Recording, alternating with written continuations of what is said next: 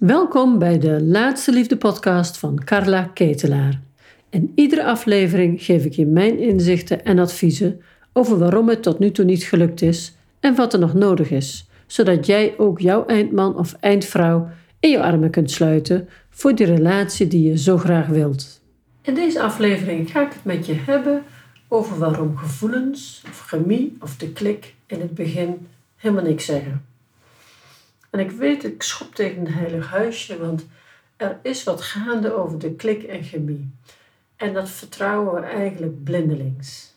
Het probleem is dat we dat gevoel al direct bij de eerste afspraak vertrouwen. Dus hebben we wel of geen klik, dat is dan de graadmeter om wel of niet verder te gaan. Er is geen grotere fabel dan dit. En ik vertel je er graag over. Wat namelijk, wat er veel gebeurt, is dat we in de liefde 100% op ons gevoel vertrouwen. En dat is logisch, hè, want gevoel gaat, liefde gaat over gevoel, relaties gaan over gevoel. Maar er is meer. In mijn beleving heeft een goede relatie 50% gevoel en 50% gezond verstand nodig. Ik ga het je uitleggen. Het volgen van gevoel, dus blindelings, dus zeggen, ja, maar mijn gevoel zegt, of mijn intuïtie zegt, wordt heel vaak verward met gevoel. Als we dat zeggen, gaan we er eigenlijk van uit dat al onze gevoelens zuiver zijn en kloppen en dat die ons op de juiste weg zetten. Maar gevoelens worden heel erg gevormd door herinneringen die we hebben in ons leven. Dus heb jij meerdere negatieve ervaringen in het leven, dat kan zijn met relaties, met, ja, met je ouders, met, nou, met allerlei uh, pesten op school. We hebben gewoon al een heel leven achter de rug voor we in de relatie belanden. Al die ervaringen daarvoor bepalen jouw gevoelens in nieuwe situaties. Even een voorbeeld. Stel, uh, stel jij valt altijd op de beetje mysterieuze man. Een beetje, beetje onbereikbaar. Hij is spannend, want hij, je kan hem niet helemaal goed peilen. En dat triggert jou. En jij verwart dat met, ja, maar ik vind hem geweldig. Dit is zo'n interessante man voor mij. En er is een klik gaande. En jouw gevoel zegt, wauw, je, je gaat helemaal aan met deze man. Dit lijkt dus de juiste weg te zijn. Want jouw gevoel zegt, dit is hem voor mij. Maar wat is, nou eigenlijk, wat is er nu eigenlijk aan de hand? Is dat je in feite ergens iets hebt meegemaakt waarbij jij onbereikbaarheid, moeite moeten doen voor de ander, verward met liefde. Nou, en voor vrouwen zit dat heel vaak in het contact met hun vader. En voor mannen zit dat heel vaak in hun contact met moeder. Dus je, de andere seksen is natuurlijk je eerste de eerste ervaring met de andere seksen is je vader of je moeder. In die, bijna altijd in, uh, in die periode, dus tussen 0 en 8 jaar, worden onze belangrijkste ja, patronen gevormd. Worden we eigenlijk gevormd voor de rest van ons leven. En in die periode, wat, hoe jij dan contact hebt, of hoe je vader of moeder op dat moment is, in die jaren, dat bepaalt eigenlijk hoe jij relateert in de rest van je leven. Nou, we gaan even terug naar de vrouw die aangaat op de spannende, onbereikbare man. Hoogstwaarschijnlijk, als jij dit herkent, heb jij, is jouw vader, uh, los van of het een lieve of niet lieve vader voor je is geweest, zal hij een soort van onbereikbaarheid hebben gehad. Ik noem het ook wel eens de aanwezige, afwezige vader. Zoals het logisch is dat dit voor de vrouw geldt na haar vader, geldt het natuurlijk voor de man naar de moeder.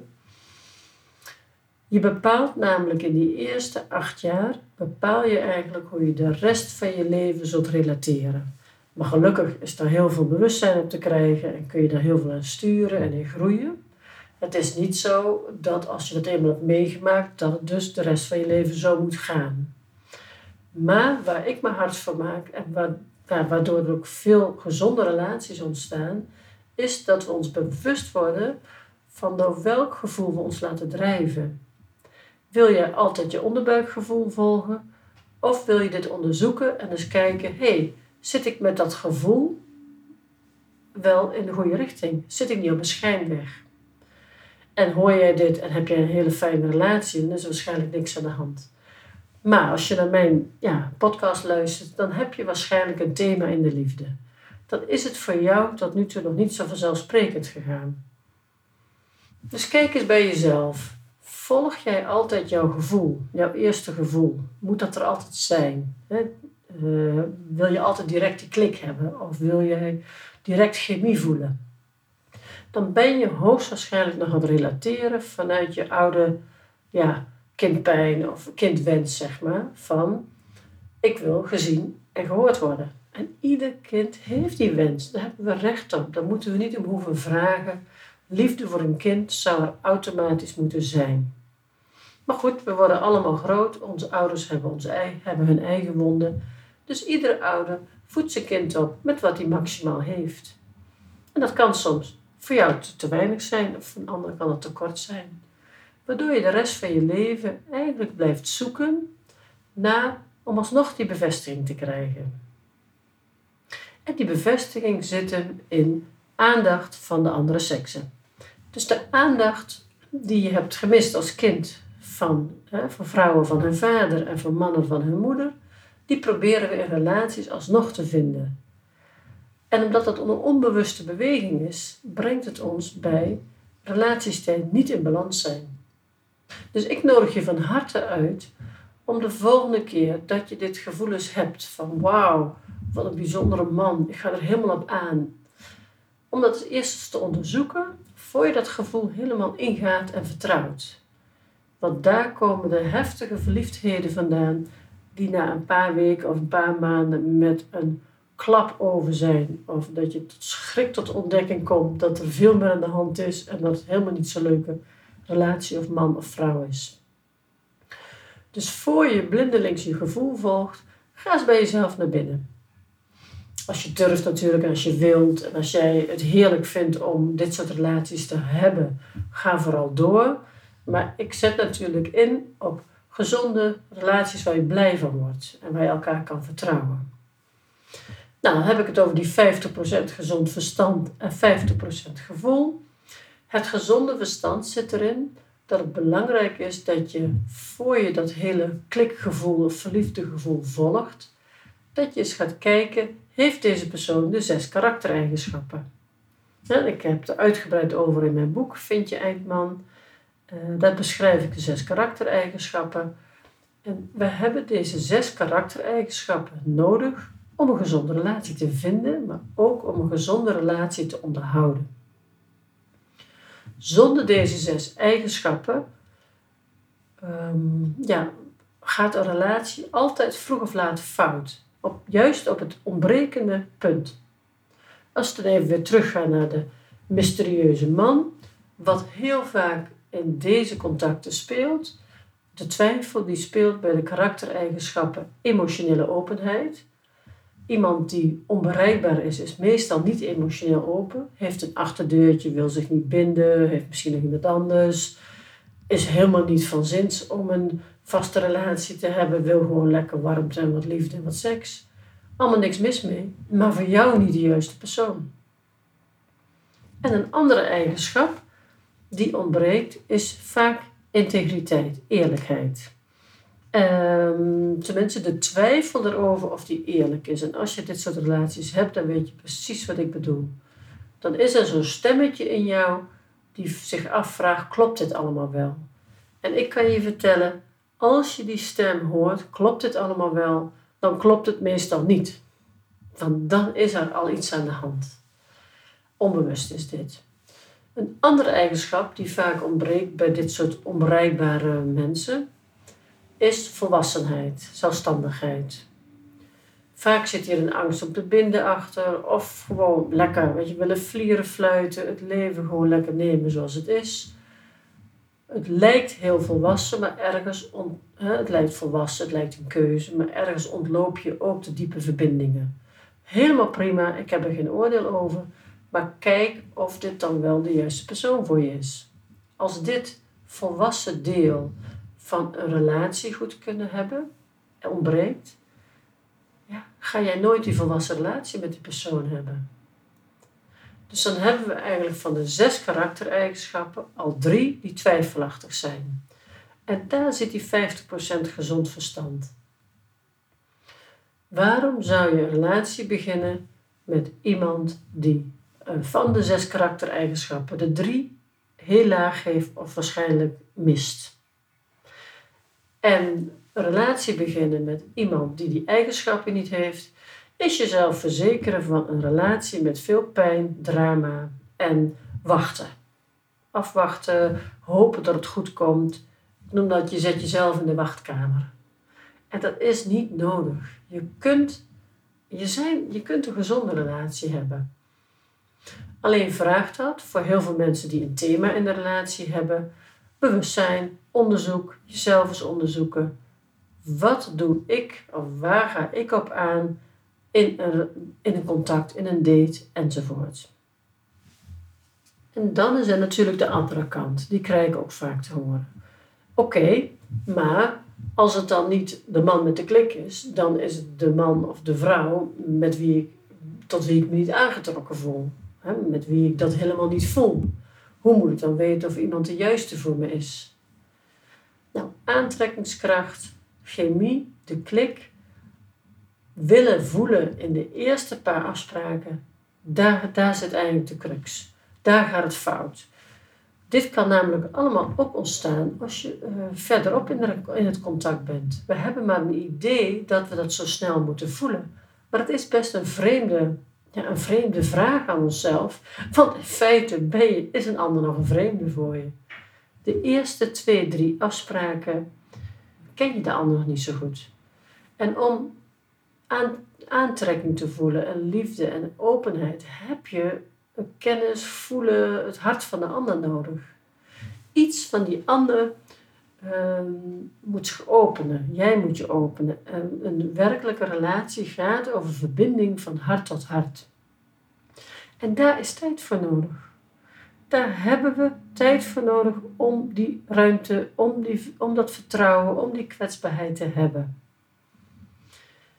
En op het moment, dan, dan, hè, dan heb je dat. Je denkt van, nou, mijn vijfde als ik voel nog niks. En, maar dit is vaak heel dubbel. Want we voelen ons vaak bij iemand heel erg op ons gemak. Alleen zit het idee in ons hoofd dat dat niet voldoende is. Dat moet met chemie en vuurwerk en verliefdheid. En daarmee lopen we eigenlijk weg bij iets wat zomaar tot een hele gezonde relatie zich kan ontwikkelen. En ik heb het niet over saai, ik heb het niet over, oh moet ik dan met minder genoegen nemen. Uiteindelijk moet je zin hebben in de ander, met alles erop en eraan. En, maar mijn punt is altijd, wil dat niet te vroeg al besluiten. Geef jezelf en de ander eens wat lange tijd om te onderzoeken of die verliefdheid of dat aantrekken of wat dan ook nog kan komen. En al is het misschien geen verliefdheid, het gaat erom dat je bij elkaar bent, dat je ontzettend op je gemak voelt, dat je voelt, ik kan mezelf zijn. De ander hoort me, de ander ziet me. Wat ben ik graag samen? Allemaal fantastische startpunten om die relatie op te bouwen. En ik ben natuurlijk zelf, ik heb ook best wat relaties gehad en ik heb nu een fijne, langdurige relatie. En wat ik zie is dat die altijd verdiept. Altijd gaat die weer, als ik jaren terugkijk, denk oh, we hebben nu toch hele andere gesprekken weer. We gaan eigenlijk je raakt steeds dieper vertrouwd met elkaar. Je bespreekt telkens toch ook weer andere dingen. En die verdieping, ja, die, daar moet je tijd voor hebben. Dus het is niet zo dat je in de eerste twee weken of drie weken of drie maanden al de diepte van je relatie hebt bereikt. Nee, dat is ook een proces. Daar groei je ook in.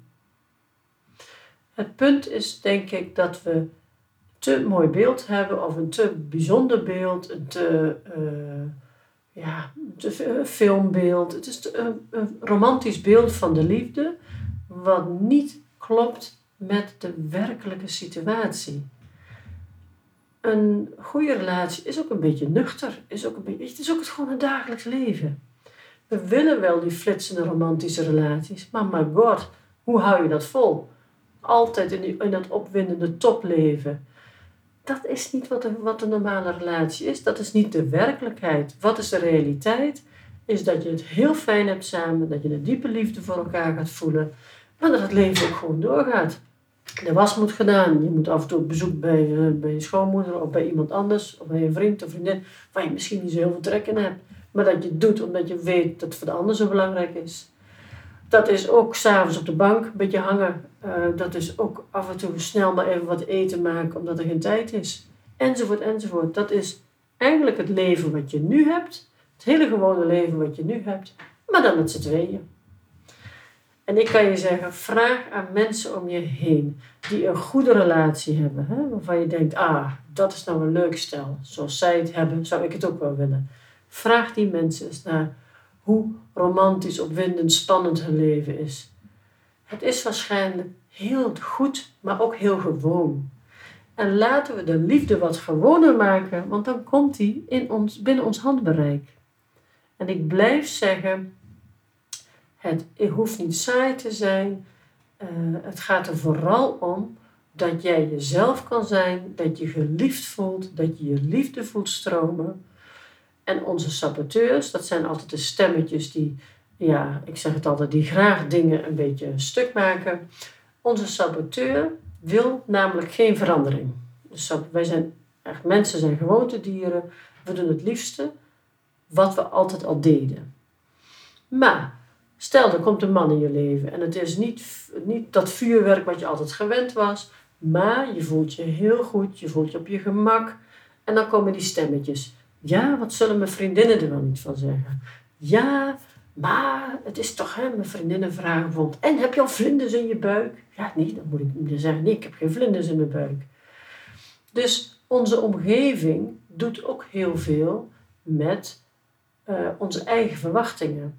Als jij met je vriendinnen praat en die vragen jou iedere keer dit soort romantische beeldvragen, dan ga jij het gevoel hebben dat je relatie niet klopt.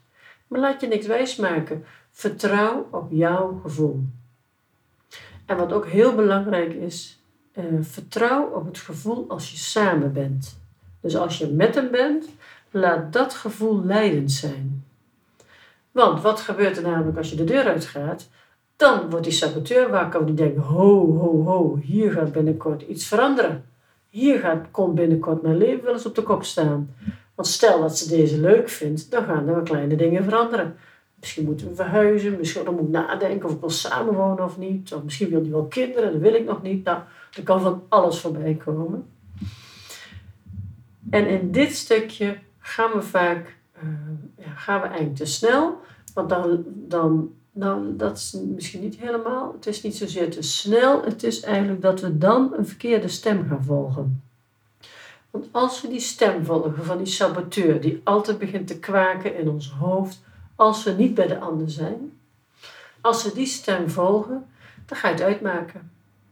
Want dan denk je, dan zeg je, ja, maar en dan ga je eigenlijk, wat je doet is dat je kijkt met de ogen van een ander vaak. Wat zullen de vriendinnen van, me, van hem vinden? Wat gaan mijn ouders ervan vinden? Uh, kan ik me wel vertonen met hem? Maar ik noem maar een aantal dingen op. Jouw gevoel naast hem was fijn. Maar je stapt de deur uit en het gekwaak in je hoofd begint. Want het gekwaak is bijna altijd wat de buitenwereld ervan vindt. En jij denkt, nou, ik ga het uitmaken. Goed, je gaat weer naar hem toe en je denkt, oh, het is bij jou wel heel fijn. Dus volg je gevoel wat je hebt als je samen bent. Als dat oké is, zit je op het goede spoor. Het gebabbel tussen de afspraken door, het gekwaak in je hoofd, laat het lekker gaan. Het zijn de saboteurs. En dan ga ik ervan uit dat je wel in die eerste drie, vier, vijf afspraken onderzoekt of deze persoon de zes karaktereigenschappen heeft. Want heeft hij het niet, is het ook beter om te, om te stoppen.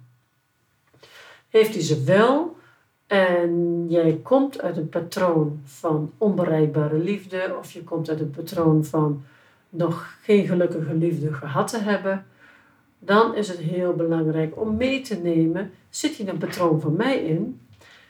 Want je kunt deze weg nog 40 jaar lopen. Tot je einde van je leven kan je dit doen.